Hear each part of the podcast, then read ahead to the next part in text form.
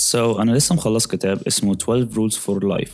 الكتاب دوت بتاع جوردن بيترسون هل أحسن كتاب قريته؟ مم مش قوي. بس خلاني عندي فضول أعرف إيه ال rules بتاعتي وبتاعت الناس التانية. So في ال series دي ه share معاكم my 12 rules for life على 3 episodes. بس first the intro. Hello. أنت بتسمع episode 1 من a 3 episode series on my 12 rules for life. Stay tuned and enjoy. ال rules دي مش بترتيب معين. بس أول rule لو you haven't noticed yet. Wait كده. سامعين الفرق؟ finally بعد 10 شهور جبت a new mic. وأول rule is ابدأ قبل ما تكون جاهز. مش لازم تكون محضر كل حاجة أو معاك كل الأدوات عشان تبدأ. قبل ما أبدأ البودكاست دي كنت عمال بدور على ال mics وال sound interface وحاجات كتير. ونفس الكلام في ال vlog كنت عمال أدور على الكاميرات والإضاءة وال tripod ده غير إني عمال أفكر هعمل إيه بعد أول episode أساسا. بس بعد 10 شهور 2 seasons و17 episodes أنا لحد دلوقتي ب record موبايلي. ولسه معرفش هعمل إيه في ال episode الجاي. ما أعتقدش إني هعرف عمري. ولا أحس إني جاهز. معظمنا منبقاش جاهزين. وده اللي ممتع في الحوار. too much planning هيخلي ال episodes مش natural ومفيش planning خالص هيخليها مبهدلة.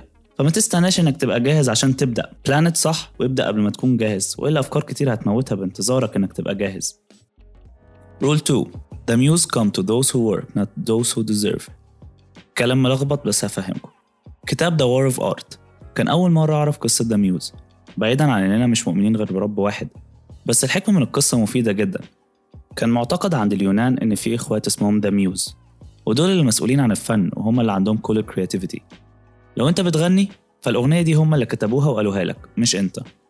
والموناليزا مش دافنشي اللي رسمها إنما the muses هم اللي نزلوا عرفوه إزاي يرسمها. بس اشمعنى دافنشي؟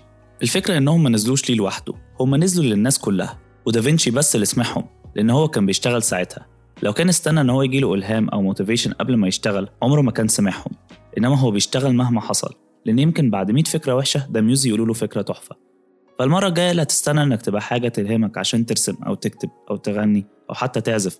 اعرف إن في حد تاني already بيتمرن وبيجرب و the muses هينزلوا له هو مش أنت. rule number 3 ده حلو لقصتك.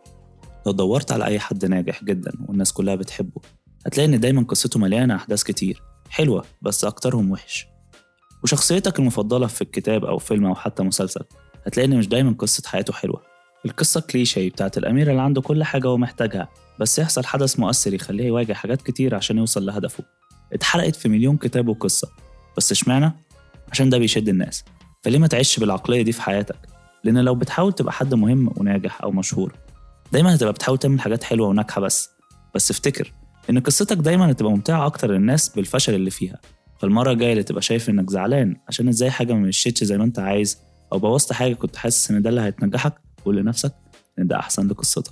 آخر rule for this episode ما تاخدش break يومين ورا بعض.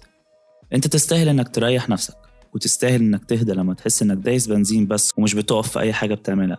بس لو عايز تفضل منتظم ما تاخدش break يومين ورا بعض عشان هتهدى. وهتخسر سرعتك كلها خاصة لو عادة بتحاول تبنيها. اللي بنيته في شهور ممكن تخسره في يومين أجازة. خد أجازة قد ما أنت عايز بس اوعى تريح يومين ورا بعض. وشوف قد إيه دوت هيساعدك إن أنت ت build ال habits أنت كنت عمال بتحاول تبنيها. So these were أول أربعة rules من my 12 rules for life. عندي فضول أعرف إيه الرول اللي عجبتكم أكتر واحدة وهتجربوها وإيه هما ال 12 rules اللي أنتوا بتعيشوا بيها. فستي توند عشان هنزل على الانستجرام أسألكم عايز أعرف إجاباتكم. وأشوفكم في episode 2 من this 3 episode series.